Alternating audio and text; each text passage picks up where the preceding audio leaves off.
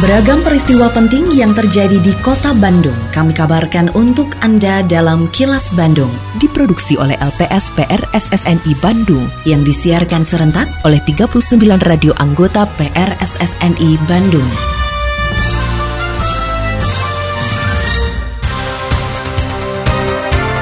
Sejumlah informasi aktual kami hadirkan untuk Anda dan inilah informasi utamanya. TPA Sari Mukti dibatasi, Pemkot Bandung perbanyak KBS dan TPST. DPRD Kota Bandung usulkan tiga nama pejabat wali kota. Pemprov Jabar dan Bank Indonesia kembali gelar WJIS. Saya Yudi Dirgantara inilah kilas Bandung selengkapnya.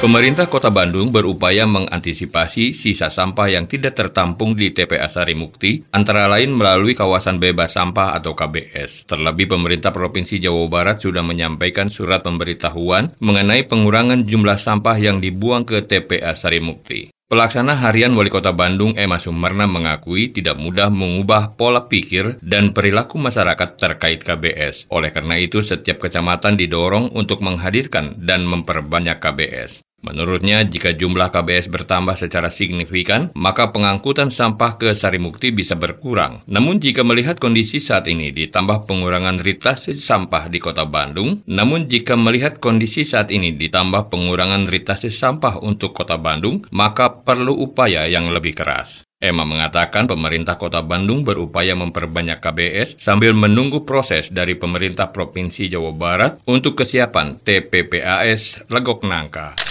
merubah mindset, merubah perilaku itu tidak mudah. Ya kita sedang berjuang bagaimana KBS itu semakin banyak kawasan bebas sampah ini tiap bulan saya evaluasi nih, saya mintakan kepala DLHK. Jadi kita ini sedang terus mendorong, berprogres masing-masing kecamatan itu berlomba-lomba untuk menghadirkan memperbanyak KBS. Kalau KBS ini signifikan, maka otomatis ritasi ke Sarimukti juga akan berkurang. Nah, tapi kalau sekarang tiba-tiba KBS-nya belum siap, ya masyarakatnya masih terus berproses, kemudian itu dikurangi, ya itu juga tidak mudah. Makanya kita teruslah koordinasi dengan pihak pemerintah provinsi. Walaupun kita juga paham, Sarimukti itu tidak bisa untuk selama selamanya.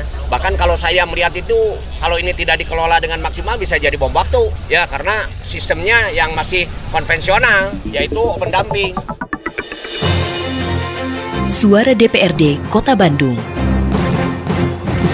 DPRD Kota Bandung mengusulkan tiga nama untuk menjadi pejabat atau PJ Wali Kota Bandung. Usulan tersebut merupakan hasil kesepakatan rapat pimpinan DPRD Kota Bandung yang diikuti seluruh fraksi pada Senin 7 Agustus 2023. Wakil Ketua 1 DPRD Kota Bandung, Kurnia Solihat mengatakan, ketiga nama tersebut adalah Asda Pemerintahan dan Kestra Provinsi Jawa Barat, Dedi Sopandi, juga pelaksana harian Wali Kota Bandung, Emma Sumarna, serta Guru Besar Universitas Pajajaran, Profesor Muradi. Menurut Kurnia, munculnya ketiga nama tersebut bukan atas keinginan pribadi ataupun golongan. Pasalnya, usulan berasal dari semua fraksi di DPRD Kota Bandung. Selain itu, bukan juga atas desakan ketiga orang tersebut karena DPRD tidak diperbolehkan memanggil apalagi melakukan seleksi. Meski sebatas mengusulkan, politisi Gerindra ini berharap Kemendagri memilih salah satu dari usulan DPRD Kota Bandung, karena nama-nama yang diusulkan tersebut memahami kondisi Kota Bandung sehingga pembangunan dapat terus berlanjut. Hasil kesepakatan rapat kemarin, akhirnya dimusuhkanlah tiga nama, yaitu kita susun berdasarkan alfabetis,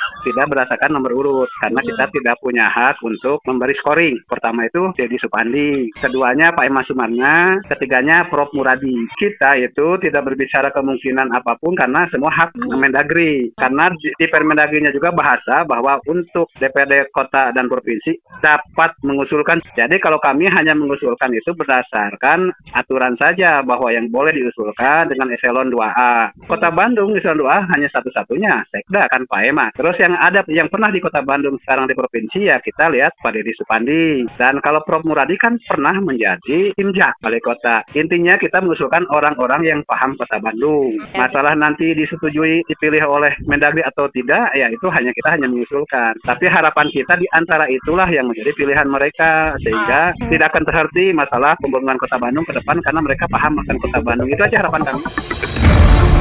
Kini, audio podcast siaran Kilas Bandung dan berbagai informasi menarik lainnya bisa Anda akses di laman kilasbandungnews.com. Pemerintah Provinsi Jawa Barat bersama Bank Indonesia kembali berkolaborasi menggelar WJIS 2023 yang berlangsung pada Rabu 9 Agustus 2023 ini. Sebanyak 11 proyek investasi ditawarkan dalam WJIS 2023 dengan nilai lebih dari 70 triliun rupiah. Kepala Dinas Penanaman Modal dan Pelayanan Terpadu Satu Pintu atau DPMPTSP Provinsi Jawa Barat, Nining Yulistiani mengatakan, 11 proyek yang ditawarkan tersebut berasal dari berbagai institusi seperti pemerintah, BUMN, BUMD, dan swasta. Menurut Nining, proyek yang ditawarkan dalam WJIS 2023 sudah dipastikan siap sehingga memudahkan investor. Kesebelas proyek tersebut tersebar di beberapa daerah di Jawa Barat termasuk kawasan Rebana kita open, tidak kemudian membidik one by one dari country yang akan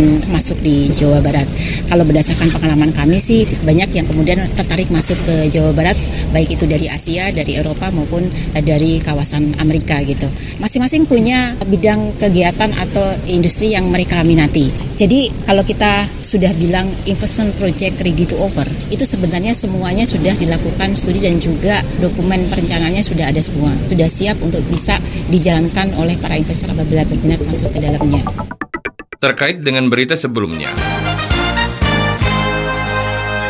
Deputi Kepala Perwakilan Bank Indonesia Provinsi Jawa Barat, Bambang Pramono mengatakan, WJIS merupakan agenda melanjutkan pengelolaan persepsi positif sekaligus mendorong realisasi investasi di Jawa Barat. Oleh karenanya, ia merasa optimis WJIS 2023 dapat menarik investasi sebanyak-banyaknya masuk ke Jawa Barat. Bambang menyatakan dengan masuknya investor ke Jawa Barat, maka akan berdampak terhadap nilai tukar yang stabil dan angka inflasi terkendali, sehingga daya beli masyarakat juga akan terjaga. Investasi masuk ke Indonesia itu kalau nggak disadari, maka ketersediaan dolar di Indonesia banyak. Sehingga kita menjaga nilai tukar bisa lebih mudah. Karena kan berarti kita nggak ter nggak terdepresiasi kan selalu stabil nilai tukar kita Nah, itu contoh. Nilai tukar yang stabil pada akhirnya akan berdampak kepada inflasi melalui imported inflation itu. Kita jadi terjaga juga. Nah, itu ketika inflasi terjaga, berarti kan masyarakat khususnya yang golongan bawah, mereka daya beli tetap kita jaga. Nah, itu yang tidak langsung dari uh, kegiatan West Java Investment Summit ini di mana targetnya tentunya mengundang semakin banyak investasi di Jawa Barat ketika kita bicara WJS, tetapi kita juga punya secara nasional tentunya investasi secara nasional.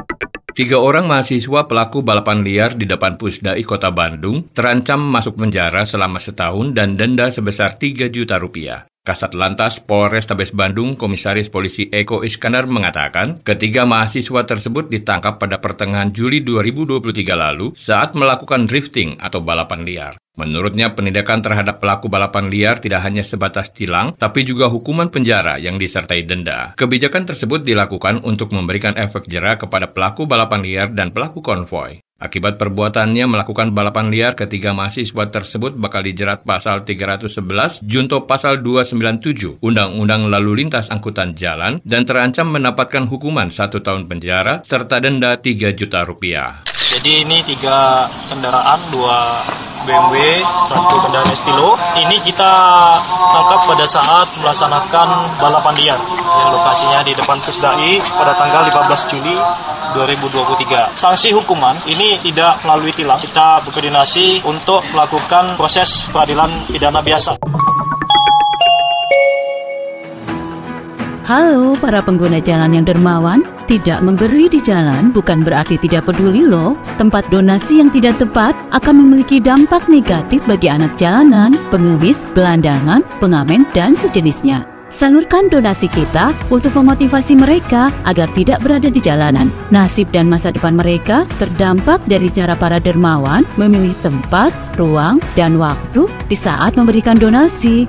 Hati-hati di jalan ya, semoga niat baik kita disertai tanggung jawab moral dan memiliki kebermanfaatan. Pesan ini dipersembahkan oleh Dinas Sosial Kota Bandung. Tetap jaga kesehatan diri dan keluarga dengan terus menerapkan perilaku hidup bersih dan sehat meski pemerintah sudah menetapkan status pandemi COVID-19 di Indonesia berakhir dan mengubah COVID-19 menjadi penyakit endemi di Indonesia. Terima kasih Anda telah menyimak kilas Bandung yang diproduksi oleh LPSPR SSNI Bandung.